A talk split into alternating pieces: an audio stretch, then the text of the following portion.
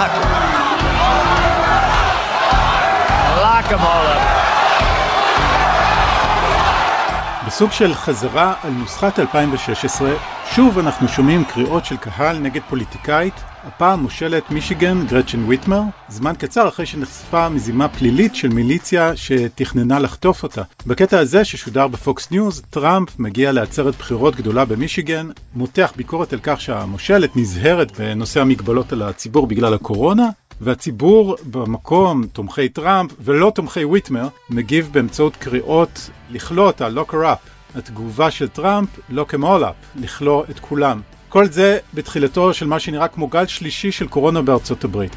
התרגלנו לקריאות כאלה כמובן, ובכל זאת אלה קריאות לכלוא פוליטיקאית, הפעם אפילו לא היריבה הישירה של הנשיא, בגלל שהוא לא מסכים עם המדיניות הזהירה שלו. שלום, ברוכים הבאים לפרק של המדריך לטראמפיסט, הפודקאסט לקראת מערכת הבחירות בארצות הברית, והיום אנחנו שבועיים בדיוק לפני הבחירות. אני טל שניידר. אני אורי פסובסקי. והיום בפרק נתעדכן במתרחש בקמפיינים, נדבר על המופעים של טראמפ וגם על החשיפות או הבעיות בחשיפות של עיתון הניו יורק פוסט. ונראיין את אה, יפתח דיין, מומחה לפוליטיקה אמריקאית ובעל הבלוג על פילים וחמורים. אבל קודם כל, חדשות. סטל, כמו שאמרת, יש המון חדשות. המון, מה, המון. מה את אומרת? תשמע, באמת, טראמפ עושה המון אירועי קמפיין, ויש משם שלל כותרות, קשה לעקוב על כל כך הרבה דברים שהוא ככה יורה לחלל האוויר. במקום אחד הוא אומר שמקומו של ביידן בכלא, לאחר מכן הוא אומר שזה מדובר במועמד הגרוע ביותר בהיסטוריה של הברית, ואם טראמפ יפסיד לביידן, אז הוא בכלל צריך לשקול לעזוב את ארצות הברית. אה, זה איזשהו ככה משפט שנאמר קצת בסרקזם, כאילו אם אני אפסיד למועמד הכי גרוע וכולי. באריזונה ביום שני השבוע הוא אמר לכמה עיתונאים ככה מול המצלמות, ביידן הוא פושע. ומקומו בכלא, וכשהעיתונאי ניסה לשאול אותו, אז טראמפ ענה לו, אבל גם אתה פושע בגלל שאתה לא מדווח על כך. כולם פושעים, חוץ מטראמפ כמובן, ובקרסון סיטי בניו יורק, אם אני זוכרת נכון, טראמפ לגלג על ביידן, על כך שביידן קשוב לעצות של מדענים. ויום לאחר מכן באריזונה, הוא החריף את הקו, והלך וככה הזהיר את הציבור האמריקאי מסכנה מאוד גדולה. שים לב אורי מה הוא אמר. You know, Biden wants to lock it down. He wants to listen to Dr. Fauci. ביידן מתכוון להקשיב לדוקטור פאוצ'י. אז הקו החדש של הקמפיין של טראמפ זה מתקפה אישית לא רק נגד ביידן, אלא גם נגד דוקטור פאוצ'י, חביב הפוד. כלומר, יותר חשוב מזה, פאוצ'י הוא דמות מאוד אהודה באמריקה. כן, אז תראה, זה כאילו הופך להיות ה... closing argument, זאת אומרת טיעון הסוף של הנשיא לקראת ההצבעה בעוד שבועיים היא אחד ביידן אה, צריך מקומו בכלא ופאוצ'י אה, הוא, אה, הוא אה, לא מדייק, הוא לא טוב ובעצם ככה הדברים התגלגלו כשפאוצ'י ביום הראשון האחרון התיישב בתוכנית המאוד נחשבת 60 דקות 60 minutes וסיפר בפני המצלמה על מה עובר עליו ועל משפחתו, מתקפות אישיות ועוד כל מיני דברים והוא גם, גם סיפר על ההתפשטות של מחלת הקורונה בתוך הבית הלבן, כשהוא התבונן על אירוע ההכרזה על השופטת אימי קוני בארט ואמר לעצמו זה יכול להיות אירוע הדבקה המוני ועוד כל מיני דברים. וטראמפ פשוט מנהל את הקמפיין עכשיו נגד פאוצ'י, כאילו פאוצ'י מתמודד לנשיאות, מרתיח אותו שפאוצ'י אהוד בטלוויזיה ואהוד על הציבור, הוא אומר אה, פאוצ'י נמצא שם כבר 300 שנה, או כלומר כרמז לכך שפאוצ'י מכהן בתפקיד הזה, האחראי הזה, כבר 40 שנה בערך בממשלים שונים. אה, עוד הוא אומר, לאנשים נמאס לשמוע את פאוצ'י, או פאוצ'י הוא disaster, הוא אסון, הוא התאהב בלהיות כוכב טלוויזיה. אז מעין סוג של מתקפה על בן אדם שהוא עובד ציבור, בכלל לא רלוונטי לבחירות. מה, מה עוד קורה באירועים האלה? בכל ההצהרות שהוא מקיים אה, מדי יום? כן, אז ההצהרות עצומות, המוני אנשים מגיעים, טראמפ מעלה mm-hmm. צילומים, אפשר להגיד יפים כאלו, כשהוא, אתה יודע, לפני נחיתה, הרי הוא עושה את האירועים בשדות תעופה, כן. כשהמטוס מגיע לקהל כמעט, והוא מצלם מלקראת הנחיתה, ורואים בחוץ אה, תורים עצומים של אנשים ושל מכוניות וגם את הכמות של הקהל. הוא באמת כן, עושה... כן, מחכים ליד ההאנגר. כן, הוא באמת עושה שלושה ארבעה אירועים ביום.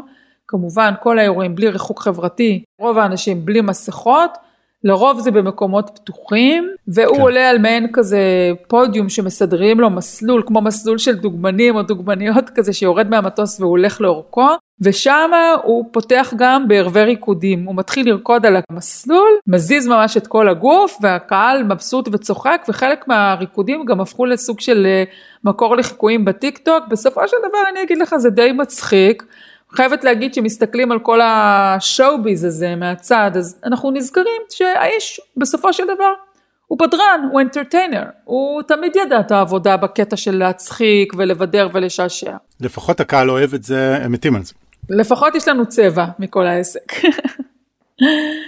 תשמע, הערה אחרונה אה, בנוגע לנושא החדשות בהיבט הזה, אז בלילה שבין חמישי לשישי, אתם, הפודקאסט הזה מוקלט ביום שלישי, אבל אתם אולי מאזינים לו בכל ימות השבוע, בלילה שבין חמישי לשישי, בין ה-22 ל-23 באוקטובר, יש לנו את העימות האחרון לפני הבחירות.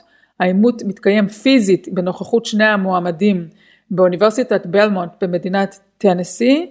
אה, זה מתחיל שבשעה שמונה, שעון מקומי ארצות הברית, לפי שעון ישראל זה יוצא שלוש לפנות בוקר. אה, המנחה היא קריסטין אה, ולקר, כתבת הבית הלבן של רשת NBC, כמובן שכמה ימים לפני העימות טראמפ פצח במתקפה אישית נגדה כוללת בין אם זה ברשתות ובין אם זה באירועי הקמפיין שלו, היא לא הוגנת, היא פייק, היא עיתונאית דיסאונסט וכולי וכולי, אני חושבת שהסצנריו הזה כבר מוכר לנו, שבו תוקפים את המנחה ואז אומרים אני מתעמת פה נגד שניים. אבל הדבר המעניין ביותר לקראת העימות כן. זה החלטה של הוועדה שמארגנת את העימותים. לאור האירועי העימות הקודם שבו טראמפ לא נתן בכלל לביידן לדבר, הפעם מי שלא מדבר המיקרופון שלו יהיה מושתק, זאת אומרת לא יהיה לו הגברה. וזה ינטרל את היכולת של טראמפ לעצור את ביידן בכל משפט, גם ביידן, גם ביידן לא יוכל להתערב או להגיד דברים, תגובות מהיציע מה שנקרא. טראמפ אמר, אה, זה לא פייר, זה הכל נגדי, אני חתמתי על, הסכם, על כללים אחרים. בקיצור, הוועדה המארגנת ככה הדליפה לכלי התקשורת, תראו, ההחלטה הזאת התקבלה פה אחד, ובעצם הם באים ואומרים, תראו, זה לא משהו חדש, כי הרי הצדדים מסכימים וחתמו על תנאים מראש, שבהם הם מאפשרים לצד השני לדבר על כללי, כללי השיח, מה שנקרא, ופה אנחנו פשוט מיישמים את הכללים של השיח שנקבעו מזמן. אז uh, זה הסיפור, אני אומרת אולי בתחושת בטן, אני לא אתפלא אם טראמפ פתאום יגיע שהוא יגיד שהוא לא בא או משהו כזה, זה גם יכול לקרות בקמפיין המשוגע. כן, זה כבר קרה בעימות השני. אז אורי, מה, מה אתה מספר? תראי, הסיפור הגדול של השבוע, ואולי של מערכת הבחירות כולה, היה אמור להיות כנראה האימיילים של הנטר ביידן. זה לפחות הייתה התקווה של רודי ג'וליאני, עורך דינו של הנשיא. אה, תשמעי, אני אתן תקציר ממש חלקי למי שלא נחשף לסיפור הזה. הניו יורק פוסט פרסם בשבוע שעבר אימיילים ותכנים שנמצאו לכאורה במחשב של הנטר ביידן, הבן של סגן הנשיא, ג'ו ביידן, שהושאר לתיקון בחנות מחשבים בדלאוור, ופשוט נשכח שם. ואז איכשהו הגיע דרך אה, הבעלים של החנות לידיו של רודי ג'וליאני, והיו שם בהארד דיסק של המחשב הזה תמונות מביכות של הנטר ביידן, שהוא בעברו, וזה ידוע, היה מכור לסמים, וגם אימייל שמוכיח לכאורה פגישה בין ביידן האב למנהל בחברת הגז האוקראינית בוריסמה, חברת אנרגיה, שביידן הבן התמנה לדירקטור שלה.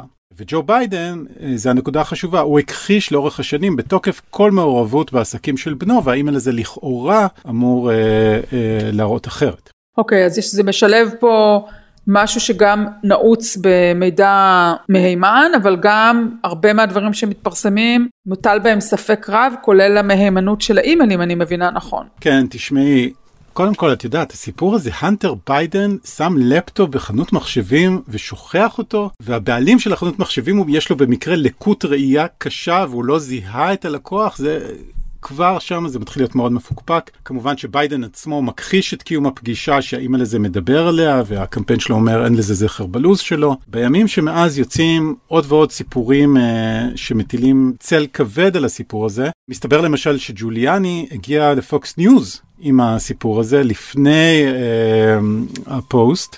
והם לא הסכימו לפרסם אותו כי הוא נראה להם בעייתי. כתבים בניו יורק פוסט, שכמו פוקס ניוז אגב הוא שייך אה, לרופרט מרדוק, הביעו סקפטיות לגבי הסיפור, כלומר בעיתון עצמו שפרסם אותו, ומסתבר שמי שכתב וואו. את רוב הכתבה הזאת לא הסכים שהשם שלו וואו. אפילו יהיה חתום עליה. יש כל הזמן התפתחויות, אתמול יצא מכתב של בכירים לשעבר במודיעין האמריקאי, כולל ליאון פנטה, מייק היידן וג'ון ברנן, שלושתם עמדו בראש ה-CIA בתקופות שונות. הם מדברים על זה שיש כאן, על חשש שיש כאן ניסיון רוסי להתערב במערכת הבחירות באמריקה, ושאזרחי הברית צריכים להיות מודעים לכך. במקביל, מסתבר שה-FBI חוקר את האפשרות שמדובר בקמפיין דיסאינפורמציה. וג'וליאני הוא, הוא עדיין, הוא היה בשעבר עורך דינו של הנשיא. הוא, הוא, הוא זה שבעצם הביא את הסיפור, נכון? זאת אומרת, אותו איש מחשבים מדלוור פנה אליו כביכול עם המידע. זה לכאורה הגיע לעורך הדין של אממ. ג'וליאני, ואז לידי ג'וליאני. ג'וליאני מאז, את יודעת, הוא מוכר ואהוד אולי אפילו בישראל אה, מימיו כראש העיר של ניו יורק אחרי 9-11, אבל הוא הפך לדמות מאוד שונה בשנים האחרונות. הוא התראיין לוול סטריט ג'ורנל, ושאלו אותו, האם יכול להיות שכל החומר הזה בכלל הושג על ידי האקרים, ולא בחנות מחשבים? אני פשוט אתן לך את הציטוט שלו. הוא אומר, האם יכול להיות שזה פריצה? אני לא יודע, אני לא חושב. אם זה היה פריצה, זה אמיתי. אם זה היה פריצה, אני לא פרצתי, mm. יש לי כל זכות להשתמש בזה. Uh, ומסתבר שהבית הלבן הוזהר בשנה שעברה שג'וליאני הוא מטרה לקמפיין השפעה של המודיעין הרוסי.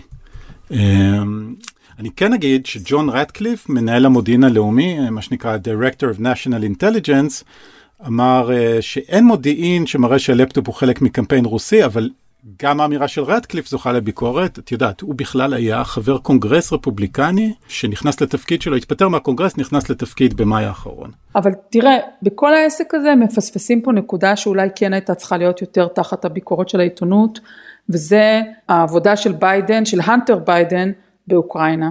זאת אומרת, כן. גם אם ג'ו ביידן לא נפגש ולא עזר ולא השפיע, אני חושבת שכן לגיטימי לשבת על הילדים של, הנס, של המיועד להיות נשיא ולראות מה הביזנס שלהם, מה הם עושים, מה הם עשו, ואיך הם פועלים ברחבי כן. העולם, זה קריטי, ופה, בגלל שזה הכל נעשה בצורה כזאת עקומה, מפספסים פה את, ה, את הדבר החשוב, ותן לי להגיד לך אה, מה שאני חושבת, שאם ביידן ייבחר, אתה תצפה שאחרי מערכת הבחירות, אהמ. אולי זה צריך לקרות לפני מערכת הבחירות, כלי תקשורת יצטרכו לבוא ולהיכנס ולראות את אופי הפעילות העסקית שלו, חד וחלק. ביידן עושה פה גם טעות מסוימת בכך שהקמפיין מתעלם מזה. זה גם טעות. הם צריכים להסביר מה בנו של uh, סגן הנשיא לשעבר עשה בדיוק, אבל בדיוק מה הוא עשה.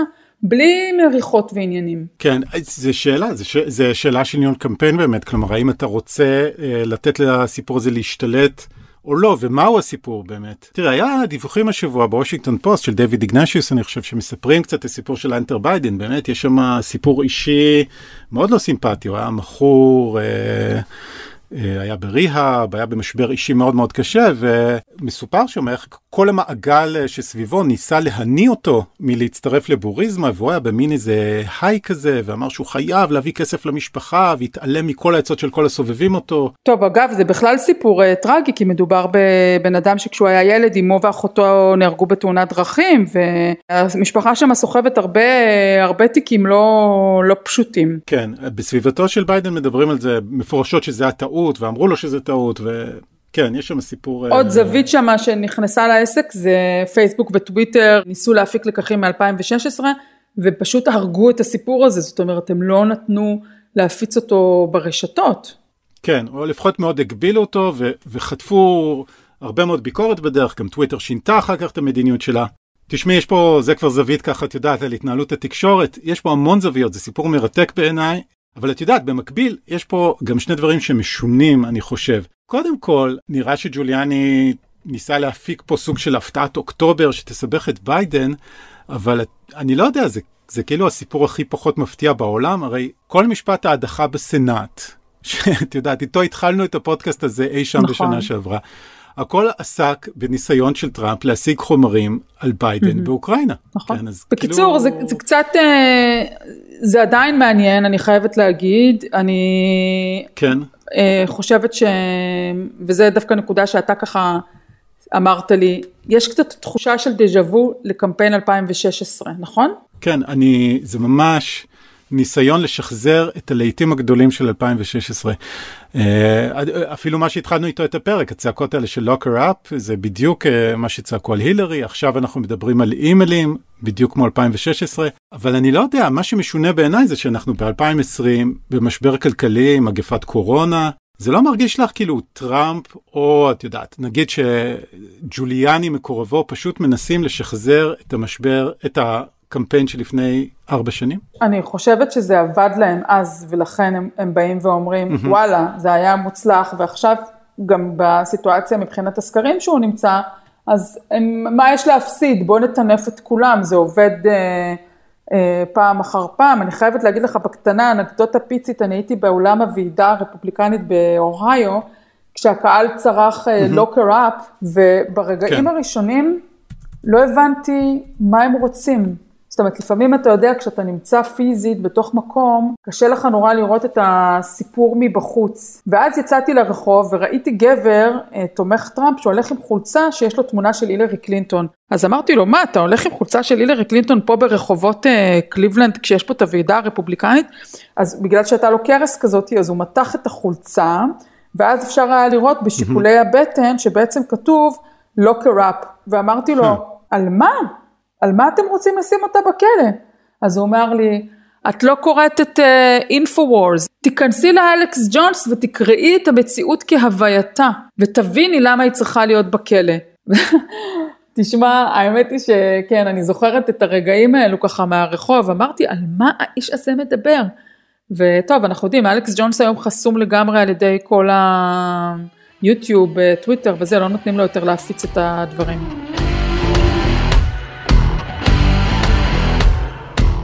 מצטרף אלינו עכשיו חבר ותיק, יפתח דיין, מומחה לפוליטיקה אמריקאית, הוא בעל הבלוג על פילים וחמורים. שלום, יפתח, כיף שחזרת אלינו. שלום טל ושלום אורי, וכיף שהזמנתם אותי שוב. אז אה, יפתח, אנחנו שבועיים לפני הסוף, תן לנו ככה מבט על על המצב בקמפיינים. המצב בקמפיינים הוא שטראמפ מרגיש צורך כנראה בצדק על פי הסקרים, לחרוש את כל המדינות המתנדנדות, לערוך כמה שיותר עצרות בחירות, כמה שיותר אירועי גיוס כספים שיעזרו לו בעצם להריץ את האופרציה עד לקו הסיום, מרגיש צורך להלהיב כמה שיותר את ה base שלו וממש לסחוט כל טיפה מהלימון הזה שנקרא ארה"ב הכפרית, בעיקר במדינות חגורת החלודה. במקביל ביידן מנסה לשמור על יציבות, לא לקחת סיכונים מיותרים, להופיע באופן מדוד גם באירועי חוץ וגם באירועים תקשורתיים. אחת לכמה זמן גם מקצר את אה, אירועי התקשורת שלו, מונע חשיפת יתר, לא רק ביידן דרך אגב, גם קמאלה האריס. בעצם סוג של תחושה שלהם שאם הם צריכים לשמור את המרוץ כפי שהוא כעת, אז אה, הם בדרך לניצחון, וככה זה גם נראה מבחינת ההתנהלות שלהם. רגע, הזכרת את הסקרים, מה הם אומרים? הסקרים מראים הובלה די בטוחה של ביידן. גם ברמה הארצית וגם ברמת המדינות. אנחנו הרבה פעמים כשאנחנו מדברים על הסקרים, התגובה שרובנו מקבלים היא הסקרים הארציים לא חשובים, חשובות רק המדינות. אחת הסיבות שאני אטען שזה אולי לא נכון הפעם, היא שברמת המדינות mm-hmm. אנחנו רואים פערים די דומים בין ביידן לטראמפ למה שראינו בין קלינטון לטראמפ, אבל ברמה הארצית אנחנו רואים פערים יותר גדולים. בעוד שקלינטון הובילה mm-hmm. בערך בשישה אחוזים, ביידן מוביל בערך בעשרה אחוזים, וההובלה הזאת ברמה הארצית עשויה לרמז ולשקף על כך שהפעם הסקרים המדינתיים לא כל כך רחוקים מהמציאות, זאת אחת האינדיקציות שיש לנו, יש לנו עוד כל מיני אינדיקציות, אבל דווקא הסקרים הלאומיים והסיפור שהם מספרים, בשילוב עם העובדה שלא היו לנו הרבה מאוד סקרים של מדינות בשבוע וקצת החולפים, הם בעצם מראים כרגע הובלה די בטוחה של ג'ו ביידן. עכשיו אה, תשמע, אני וטל קצת הסתכלנו, אתה יודע, שיחקנו עם אה, כל מיני מפות כאלה אה, שאפשר למצוא באתרים לקראת הראיון. אחד הדברים שקפץ לי לעין זה שלביידן יש מגוון נתיבים לנצח, כלומר, הוא לא חייב את פלורידה למשל כדי לנצח. נכון, בעצם המסלול הקלאסי של ביידן לניצחון, קלאסי מבחינתו, אותו מסלול שהוא סימן כנראה עוד כשהוא החליט שהוא מתמודד לנשיאות, זה בראש ובראשונה להחזיר את שלושת מדינות חגורת החלודה, פנסילבניה, וויסקונסין mm-hmm. ומישיגן. אם טראמפ מחזיר לעצמו את שלושת המדינות הללו, הוא בדרך לניצחון והוא למעשה לא צריך אף מדינה אחרת, הוא רק צריך לשמור על כל יתר המדינות שקלינטון ניצחה בהן, כולל אלו שהיא ניצחה בהן בפערים קטנים יחסית ב-2016, ומשם והלאה כל ניצחון הוא בונוס. הסיבה שביידן מסתכל בראש ובראשונה על שלושת המדינות הללו היא מאוד פשוטה, אלה שלושת המדינות שהיו הכי צמודות, אלה שלושת המדינות שבהן טראמפ ניצח בפער הכי קטן, בשלושתם בפחות מאחוז, אלה גם שלושת המדינות mm-hmm. עם המסורת הכי ארוכה של הצבעה לדמוקרטים, לאורך כל שנות ה-90, לאורך כל שנות ה-2000, הצביעו לדמוקרטים, בן אדם שהצביע פעם אחת למפלגה מסוימת יכול לדמיין את עצמו חוזר ומצביע אליה שוב, גם אם הוא עשה איזשהו היפוך ארבע שנים mm. קודם לכן, ומהסיבה הזאת ביידן בעצם מתחיל את כל המסע שלו מאותן שלושת מדינות, כשהוא מתכנן איזושהי אסטרטגיה, והלאה משם יש לו הרבה מאוד דרכים למצב או למצק את היתרון שלו ולבסס אותו, בעצם אה, לייצר איזשהו מומנטום ויתרון, אבל בעצם בראש ובראשונה הוא מסתכל על אותן שלושת מדינות. אז רגע, אנחנו בכל זאת 14 יום אה, לפני, זאת אומרת, אם אנחנו חושבים שטראמפ כן יכול לנצח את פלורידה, איזה עוד צעדים טראמפ יכול לעשות כדי לסובב את הספינה הזאת לצורך העניין? לא רק מבחינת להצליח בסקר כזה או אחר, אלא מהותית. אה, כרגע ההצהרות שלו נראות באמת אה, גם המוניות מאוד, אבל גם מאוד משוגעות מבחינת התכנים. מה, מה הוא צריך לעשות כדי, ש, כדי לשכנע את האנשים במדינות אחרות ללכת איתו? גם במדינות אחרות וגם במדינות חגורת החלודה, הצהרות תמיכה של טראמפ בעיניי הם הנשק הסודי שלו. הם לטראמפ, עד כמה שאנחנו אוהבים לומר שטראמפ ניצח די באופן צמוד, וכפי שציינתי קודם, אנחנו חושבים שהפער אה, אה, יכול בשמח, בקלות גם לעבור לצד הדמוקרטי, אנחנו כן יודעים שיש עדיין לא מעט בוחרים בדמוגרפיה המועדפת על טראמפ, אנשים בעלי השכלה תיכונית, שגרים בכל המדינות המתנדנדות, אנשים שלא הצביעו ב-2016. כלומר, יש לטראמפ עוד איזושהי שכבה של אנשים שהוא עוד כן יכול לנסות ללכת ולמשוך אותם להצביע. והדרך כנראה הכי אפקטיבית, בעיניי, ולפי כל הדיווחים שאני קורא, היא אותם הצהרות בחירות. כי כשטראמפ הולך לאיזשהו אזור כפרי, שנמצא בין כמה עיירות, ועושה שם עצרת המונית, הוא מייצר איזשהו באז.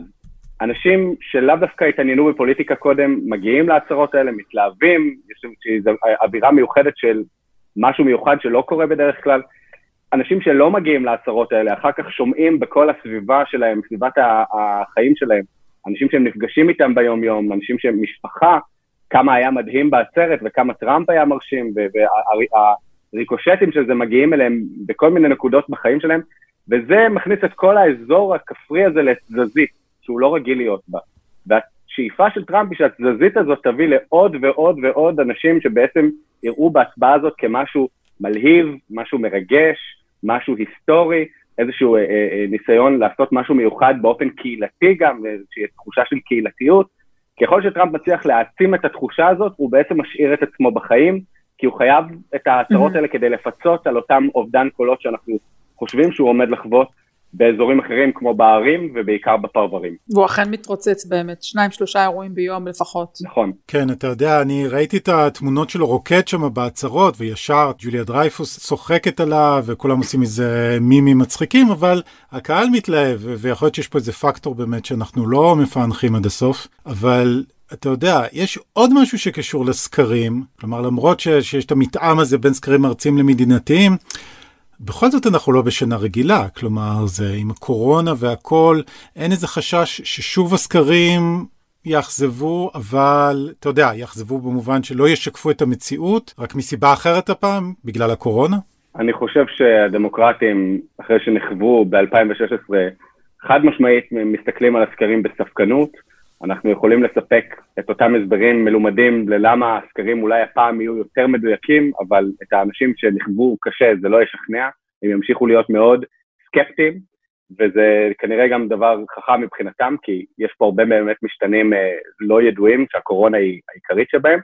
אני, אם הייתי צריך לסמן משתנה אחד שצריך אה, להיות בראש מעייניהם של הדמוקרטים, זה ההצבעה בדואר, וספציפית השאלה של כמה אנשים ביקשו פתקי הצבעה בדואר וכמה אנשים החזירו פתקי הצבעה בדואר.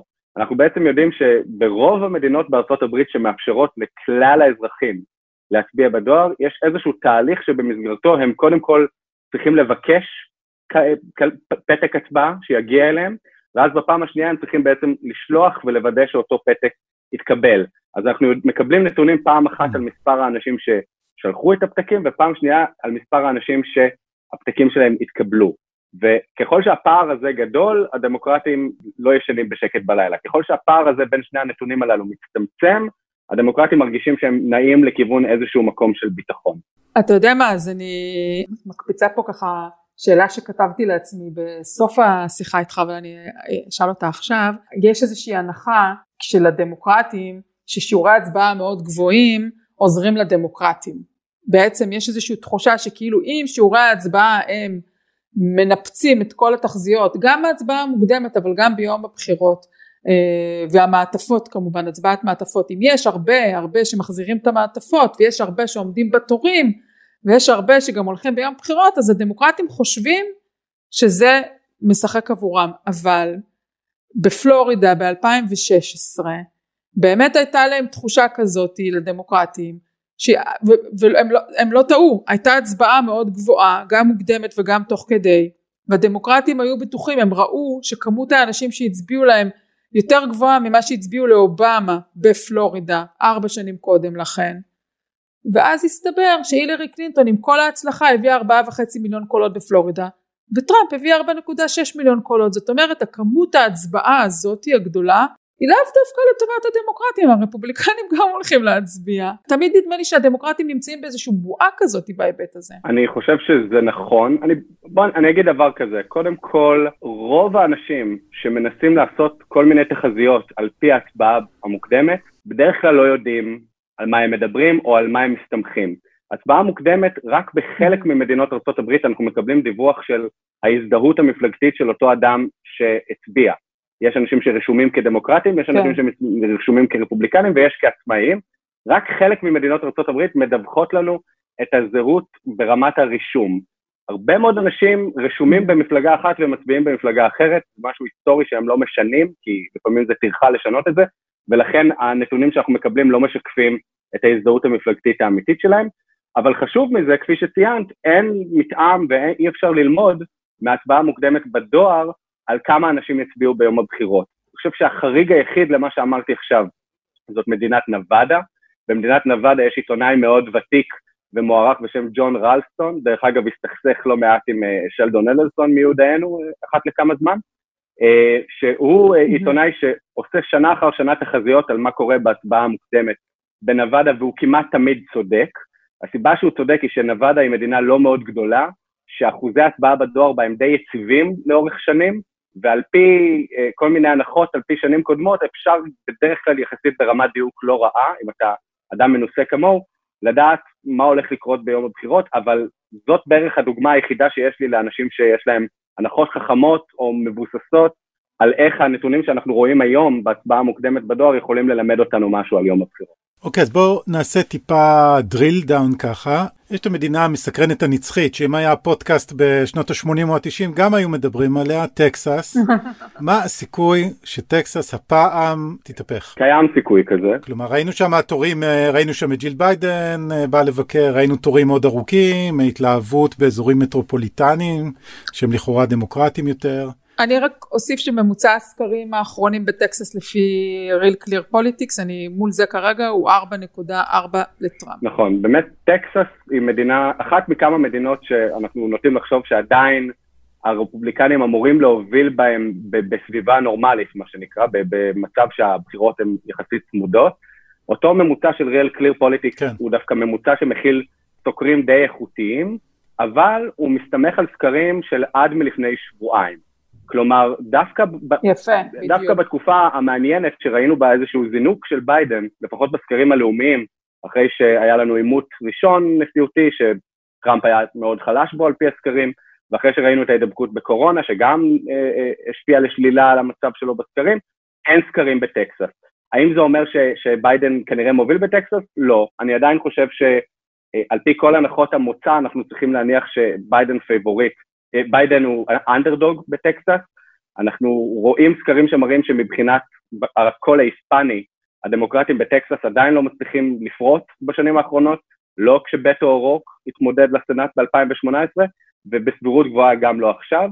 יש כל מיני דרכים שבהם ביידן יכול לזכות בטקסס, טקסס היא מדינה עם המון פרברים, רוב התושבים של טקסס גרים לא באזורים הכפריים שלה, העצומים של המדינה המאוד גדולה הזאת, אלא דווקא בפרברים של יוסטון, בפרברים של סן אנטוניו, בפרברים של הרבה ערים גדולות ב- ב- של דאלאס, של ערים גדולות בטקסס, וזה דבר שמשחק לטובת הדמוקרטים.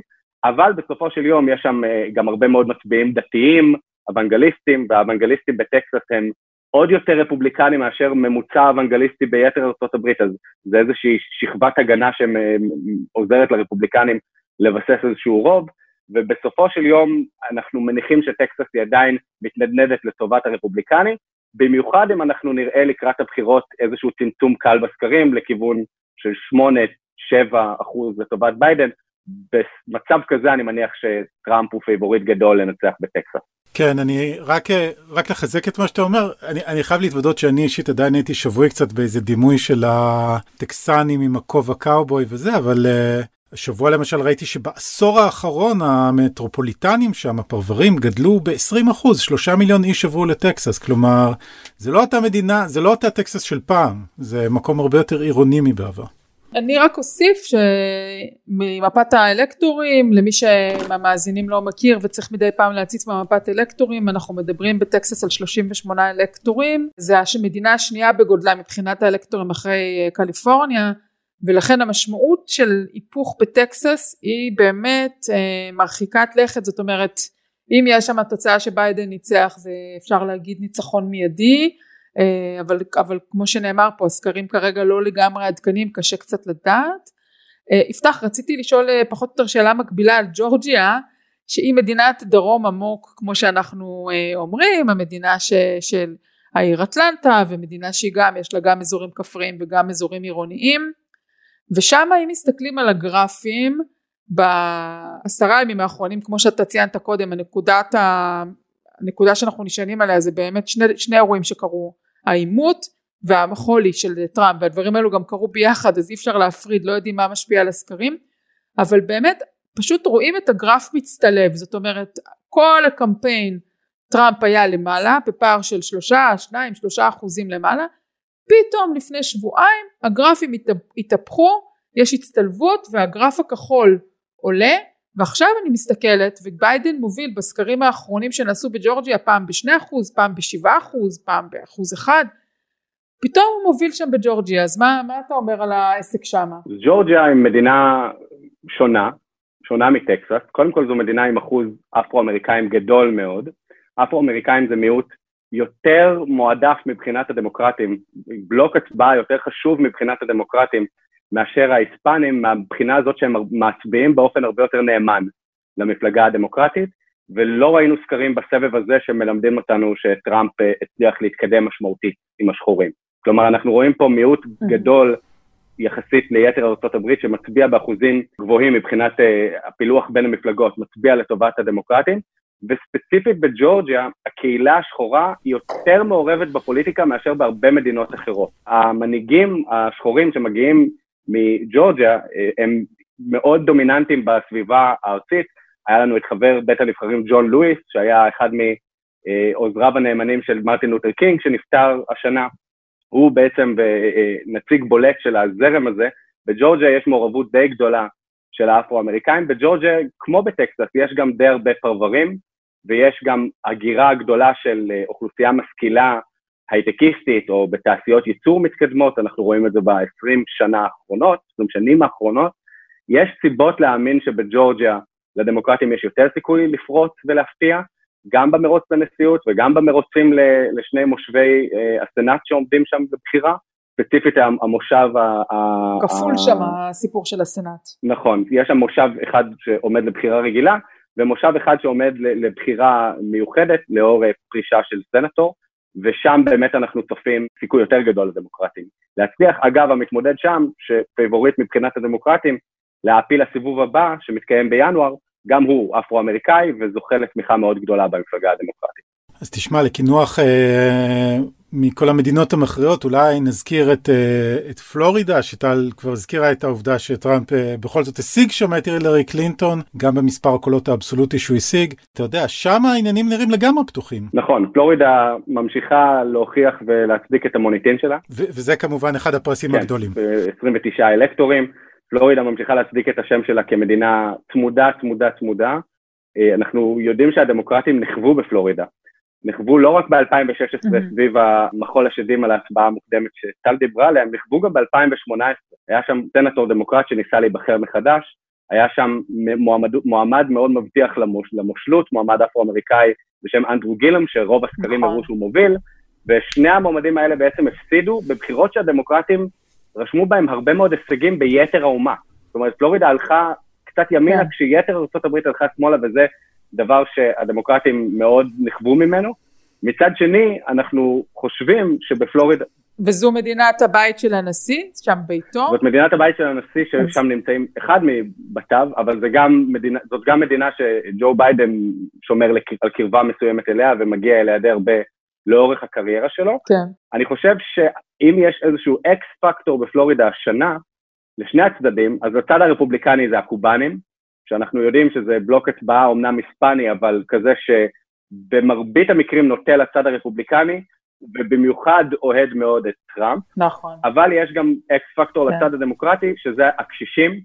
פלורידה, אנחנו יודעים, מדינה שקשישים אה, עמידים אוהבים מאוד ללכת לפרוש בה ולנפוש בה, ואנחנו רואים על פי הרבה מאוד סקרים שהקשישים זה אחד מעקבי אכילס של טראמפ, מאבד שם תמיכה לעומת מה שהיה לו ב-2016, כנראה בגלל הקורונה, אולי בגלל הקמפיין השלילי כלפי, אה, כלפי ביידן וטענות כלפי השפעת הגיל על התפקוד שלו, מה שלא תהיה הסיבה, זה נראה שטראמפ נמצא בבעיה שם, ואם הוא נמצא שם בבעיה, כפי שהסקרים מרמזים, פלורידה תהיה אחת המדינות הראשונות שבה הוא ירגיש את הבעיה הזו. אני רק אוסיף שביידן הוביל בבטחה כמעט בכל חודש ספטמבר והיה במצב טוב, היה בפער די גדול ועכשיו המצב שם חלק מהסקרים נותנים לטראמפ פתרון וחלק מהסקרים מראים על שוויון מוחלט אה, ממש אה, מה שהם קוראים תאי אז אה, אני, אני לא אני חושבת שביידן יש לו שם בעיה אבל כמו שסופר כאן לאל ביידן לא צריך את פלורידה בעצם אם הוא מצליח בכל המקומות האחרים. אז אנחנו עשרים שנה לסיפור הבחירות של היו בין, בין בוש לבין אל גור. זה בדיוק עכשיו עשרים שנה והשאלה הגדולה היא זאת אומרת אם תישאר רק מדינה אחת שתכריע בין 270 ל-270 אז יהיה סיפור. אבל אם ההכרעה תתקבל במדינות אחרות והמדינה הזאת תהיה אדומה או כחולה אז היא לא, היא לא תהיה מעניינת. ככה אני מבינה את הדברים. זה נכון אבל אני חייב לשים פה אצבע על משהו. זה נכון אנחנו אומרים הרבה פעמים ביידן לא צריך את פלורידה וזה נכון אבל גם הילרי קלינטון חשבה שהיא לא צריכה את פלורידה גם הילרי קלינטון הייתה תחת איזושהי הנחת עבודה שאם היא תפסיד את פלורידה יש לה עדיין את אותה חומה כחולה של מדינות המערב התיכון שכאמור כן. נפלה. בעצם מה שצריך לשים לב אליו זה שאם ביידן מפסיד את פלורידה, הנחת ההשלכה של זה היא שכנראה שאנחנו מסתכלים על בחירות מאוד צמודות, ושפנסילבניה, וויסקונסין ומישיגן הם גם כנראה מאוד קרובות, לא בהכרח אחד לאחד, כנראה שיש שם איזושהי הובלה קלה לדמוקרטים במדינות חגורות החלודה לעומת בפלורידה, אבל אם ביידן מפסיד את פלורידה, זה סימן שכנראה הלכנו לערב מאוד צמוד, ואולי לחודש מאוד צמוד, לבחירות מאוד צמודות, ככה שזה נכון שביידן יש לו עוד מסלולים ל-270, אבל פלורידה היא כן אינדיקציה לא רעה לכמה הבחירות הללו הולכות להיות צמודות או לא. אז תשמע, בוא, בוא בכל זאת ניגע בסנאט קצת, כי אתה יודע, ראינו כבר מהכהונה של אובמה שבלי שליטה בסנאט, היכולת שלך כנשיא לעשות דברים בכל זאת מוגבלת. מה הסיכוי למהפך גם בסנאט? הסיכוי למהפך הוא לא רע, מבחינת הדמוקרטים, למעלה מ-50 אחוז, אולי אפילו למעלה מ-60 אחוז, תלוי על איזה מודל מסתכלים. למעשה כשאנחנו מסתכלים על הסנאט היום, אנחנו רואים שהדמוקרטים מפגרים בשלושה מושבים, יש להם 47 לעומת 53, ואנחנו גם יוצאים מאיזושהי נקודת הנחה שאת המושב באלבמה, בו הם זכו בבחירות מיוחדות בשנת 2017, הם כנראה יפסידו כי אלבמה בשנת בחירות נשיאותיות הולכת חזק מאוד לצד הרפובליקני, ואז הם בעצם צריכים להביא לפחות ארבעה מושבים כדי להגיע לשוויון אה, בין שני הבתים, בהנחה שביידן זוכה, סגן הנשיא או סגנית הנשיא במקרה הזה, יכולים לשבור את השוויון הזה לטובת הדמוקרטים, ובעצם היום אם אנחנו מסתכלים על, על שדה האפשרויות, יש לנו שני מושבים שאנחנו מרגישים שהם בסבירות גבוהה הולכים לדמוקרטים, שהם בקולורדו, שיש שם סנטור רפובליקן מאוד לא פופולרי, קורי גרדנר, ובאריזונה, שבה יש מועמד כן. מאוד פופולרי, ג'ון קלי, אסטרונאוט ובעלה של חברת בית הנבחרים כן. שנורתה בראשה גבי גיפורד, אז אלה שני מרוצים שהם בסבירות גבוהה הולכים לזכות בהם. אחר כך אנחנו מתקדמים ביתר האפשרויות ורואים עוד שני מושבים שיש להם סיכוי לא רע בהם, הם בצפון קרוליינה ובאיווה ובמיין, שלושה מושבים, סליחה, אלה שלוש מדינות שדי קורצות כרגע לדמוקרטים, אם הם כובשים אותם זה שם אותם על 51, ואז יש לנו עוד כמה מרוצים שהם יותר בגדר ג'וקרים, כאלה שהרפובליקנים ב- ב- ביום רגיל יהיו פייבוריטים בהם, אבל ביום טוב אולי באחד או בשניים מהם הדמוקרטים יפתיעו. המרוצים האלה הם המרוצים, כמו שציינו קודם, בג'ורג'יה, יש לנו את המרוץ בדרום קרוליינה, שבו לינזי גרם מנסה להגן על המושב שלו, יש לנו את מונטנה, ששם המושל, המושל המכהן סטיב בולוק. שם יש הפתעה. נכון, שם הוא, הוא קרב מאוד צמוד, אנחנו רואים הובלה קטנה של הרפובליקנים על פי הסקרים, אבל המועמד הדמוקרטי הוא מאוד פופולרי כמושל, ויש לנו את קנזס ואלסקה, שהן שתי מדינות שכמעט ולא מדברים עליהן במיינסטרים בתקשורת, אבל גם שם עלולות להיות הפתעות כאלה או אחרות. אתה יודע את כל המדינות בעל פה, לא רק את השמות שלהם, אלא גם את כל המרוצים, אני נדהמת תמיד מחדש. משתדל. אה, טוב, בוא, בוא מילה אחרונה על ליל הבחירות, אנחנו יודעים שאולי לא נדע את התוצאות, שאולי יהיה קושי עם הספירה, מה, מה התרחיש שבו אתה חושב ככה, אה, אולי, אני אגיד בהפוך על הפוך, אולי, אולי דווקא פתאום כן יהיו תוצאות במספיק מדינות כדי, כדי לדעת הכרעה, ואז זה כבר לא ישנה, אותם המדינות שהתברדקו, זה כבר לא ישנה, מה אתה אומר? יש כמה מדינות שמפורסמות בזה שהן יודעות לספור די מהר את הקולות. גם את ההצבעות בדואר, גם את ההצבעות המוקדמות שבעצם מגיעות בימים אלו, וגם את ההצבעות ביום הבחירות. אחת המדינות האלה הן אותה מדינה שהקדשנו לה חלק לא מבוטל מהשיחה שלנו, פלורידה. ולכן, עוד פעם אני חוזר כן. למה שאמרנו קודם, פלורידה תהיה אינדיקציה לא רעה לכיוון שאליו אנחנו הולכים. אם בפלורידה יש קרב צמוד, ואם זה נראה שהיא הולכת לכיוון טראמפ, או לפחות הולכת לכיוון מאוד מאוד צמוד, יכול מאוד להיות שאנחנו נמצא את עצמנו מחכים קצת יותר זמן. פנסילבניה לדוגמה היא מדינה שההצבעה בדואר צפויה להיות די בעייתית שם, אנחנו צופים שם לא מעט פסילה של פתקי הצבעה מהסיבה הפשוטה שפנסילבניה, בניגוד להרבה מדינות אחרות, אין בה מנגנון לתיקון תקלות. יש הרבה מדינות שבהן אם אתה מצביע באופן שגוי בדואר ועומדים לפסול את הקול שלך, שולחים לך הודעה שאומרת, שים לב, עשית משהו לא נכון, אתה יכול להגיע ולתקן את ההצבעה שלך, ובפנסילבניה אין את המנגנון הזה. אז מהסיבה הזאת אנחנו מעריכים שבפנסילבניה יהיו בעיות עם ההצבעה בדואר, ואם אנחנו הולכים לתסריט שבו כן. פנסילבניה, כפי שנייט סילבר כרגע חוזה, היא המדינה שתכריע את הכף בבחירות צמודות, אז חד משמעית אנחנו הולכים לערב ארוך, ואולי אפילו לכמה שבועות ארוכים. אני רק רוצה להגיד בקטנה לגבי פלורידה, שגם אני מתכוונת לנסוע לשם, למי שעוד לא שמע ולא ידע, וגם יש דבר נחמד שבפלורידה סוגרים את הקלפיות בשבע בערב. אה, זה אומר שבשעה שבה סוגרים את הקלפיות בפלורידה, במקומות כמו אריזונה, קולורדו, בטח החוף המערבי, קליפורניה וכולי, זה בכלל ארבע אחרי הצהריים או חמש אחרי הצהריים, תלוי איפה נמצאים, יש עוד מלא שעות להצביע שם, אז זה תמיד מצחיק אותי באמריקה, איך כאילו בצד אחד כבר אה, סוגרים וסופרים, בצד השני בטח בהוואי ובאלסקה עוד לא, עוד לא קרובים אפילו לגרנד פינאלה, אבל באמת, אה, ואז כלי התקשורת לא מחכים, זאת אומרת אם בפלורידה סגרו בתוך שעה בשמונה בערב הם כבר יודעים, אז הם יודעים והם אומרים את זה, אין להם בעיה עם זה. הדברים עובדים שם שונה מאשר אה, איך שאנחנו מכירים. טוב, מצוין, נפתח, אה, תודה רבה על הראיון, ונתראה ב-7 PM. חד משמעית. אני, בשלישי בנובמבר. אני מחכה לדיווחים שלך, לפני כולם. יאללה, אחלה. טוב, תודה רבה. בשמחה. יאללה, פינאץ. כן, טל, אני רוצה לקחת אותך חזרה לנובמבר 2016, לא הרבה אחרי הניצחון של אה, טראמפ בבחירות. מייק פנס, סגן הנשיא הנבחר בזמנו, יצא לברודוויי לראות מיוזיקל. ללכת לראות הופעה? אני אפילו... זה ההמילטון היה מה? כן, את יודעת, לפני הקורונה אנשים היו עושים דברים כאלה, פנס הלך לראות את, uh, את המילטון, ובסוף המחזמר שם כל השחקנים עמדו על הבמה בשורה, וברנדון uh, ויקטור דיקסון, מי שמשחק שם את אירון בר, הקריא הצהרה שבה הוא קורא לממשל לכבד את הזכויות של כל האמריקאים. We are the diverse America who are alarmed and anxious that your new administration will not protect us. our planet, our children, parents, or defend us and uphold our inalienable rights, sir. פנס אה, קם ועזב, הייתה שערורייה גדולה. בכל מקרה, עכשיו הקאסט של המילטון מתייצב כבר ממש מפורשות לצד ביידן, ומככב בתשדיר של אה, סגן הנשיא לשעבר, את יודעת, עם הפקת זום כזאת של אה, The Room Where It Happens, שבה רואים, תוך כדי שהם שרים, הכוכבים אה, נרשמים להצביע, שולחים מעטפות בדואר. בפתיחה יש אה, קטע של ביידן, בסיום קטע של קמאלה האריס. You will determine the outcome of this election. Vote, vote, vote. You have it in your control to determine what this country is going to look like the next four years.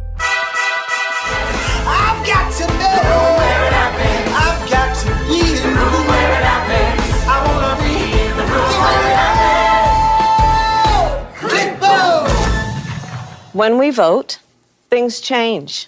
When we vote, things get better. טוב, הוליווד וברודוויי, אנחנו מכירים את זה, נמצאות שם תמיד. ועכשיו שולפים את התותחים הכבדים, ככה המילטון לפני הבחירות. אם כבר תותחים כבדים, אה, או תותחים כבדים בדימוס, גם הביסטי בויז. שם מהעבר. כן, Blast from the past, אה, הם נתנו אה, לקמפיין של ביידן אישור להשתמש אה, במוזיקה שלהם למודעה שלו, תשדיר שלו שעוסק במועדון בשם The Blind Pig במישיגן, שסגור עכשיו אחרי 50 שנה של פעילות רצופה, כשברקע אפשר לשמוע את סבוטאז' של הביסטי בויז. זה הפעם הראשונה שהלהקה הזאת נותנת לפוליטיקאי כלשהו רשות להשתמש בשיר שלהם. טוב אורי, הוספת את זה כבר לרשימת השמעה של, ה... של ה pod? יצורף, יצורף לפלייליסט. טל, מה את מביאה? אה, טוב, אז אני רוצה לשבור פה איזושהי מוסכמה, כולם חושבים שהוליווד וברודווי זה רק ביידן, ביידן, ביידן. כן, תני איזון טל. בדיוק, בוא נאזן. יש לנו את ג'ון וויט, כוכב מפורסם ענק, קאובוי של חצות, סיפורו של אלוף. ובשנים האחרונות דרמת הגנגסטרים של קליפורניה, של לוס אנג'לס, שאני התמכרתי אליה מאוד, ריי דונובן, שהוא כמובן משחק את אבא של ריי, וויט הוא תומך ותיק של טראמפ, הוא אבא של אנג'לינה ג'ולי, למי שלא ידע, אנחנו גם. העלינו אותו כבר בפודקאסט הזה, לפני חצי שנה או משהו כזה, והשבוע הוא מעלה וידאו תמיכה בטראמפ, שלוידאו קוראים Evil, רוע, וזה כמובן השם של ביידן, ביידן הוא הרוע. בוא נשמע קטע קצר בו הוא מעלה לטראמפ ומכסח את השמאל. Biden is evil. Trump must win. He's real. He will bring back the people's trust. These leftists are not for the American people. It's the biggest cover-up ever. טוב, אבל מה שעוד קצת מצחיק, זה שבגלל שנכנסתי לפיד של הטוויטר של ווייט ורציתי לראות את ההערצה שלו לנשיא, מה מצאתי? מה גילו עיניי? מה? מה רואים שם? טראמפ הוא לא היחיד שרוקד על המסלול, גם וויט אוהב לרקוד, אתה יודע, תזכור וויט הוא בן 81, והוא מרקד מאוד מצחיק ומאוד יפה וחינני, אבל עבור מי הוא רוקד? עבור מי הוא מנענע את הטוחס? עבור חב"ד. הוא פשוט משתתף בווידאו פרסומי, תקשיבו, תקשיבו, תיכנסו לפיד שלו, בווידאו פרסומי, קצרצר, עם שלושה חבר'ה, שניים בלבוש חבדניקי כזה ועוד אחד אה, שנראה חילוני והם עושים קידום לתוכנית טלוויזיה מקומית שקוראים לה The Friends of חב"ד ובה מדברים על למה ישראל כל כך חשובה לאמריקה בואו נאזין לקטע של הריקודים בקטנה.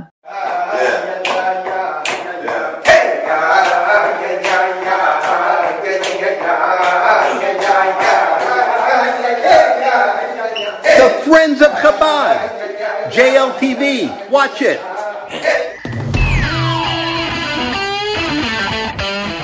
טוב חברים סיימנו, זה היה המדריך לטראמפיסט, 14 יום לבחירות, בזמן שאתם מאזינים אולי זה כבר יהיה 12 יום לבחירות. הצטרפו אלינו לצפות בשידור החי של העימות הנשיאותי האחרון לפני יום הבחירות. זה יהיה בלילה שבין חמישי לשישי בשלוש לפנות בוקר, אנחנו נעשה בקבוצת הפייסבוק שלנו Watch Party, שידור חי, אתם לא תצטרכו לחפש את הלינקים, אני פשוט אסדר לכם את הלינקים שם. חוץ מזה, תעקבו אחרי אורי ואחריי ברשתות, בפייסבוק ובטוויטר, אנחנו מפיצים את הלינקים גם בספוטיפיי ובכל אמצעי האזנת הפודקאסט הקיימים. תודה לעורך הפודקאסטים רון טוביה, אני טל שניידר. אני אורי פסובסקי. להתראות בשבוע הבא. ביי.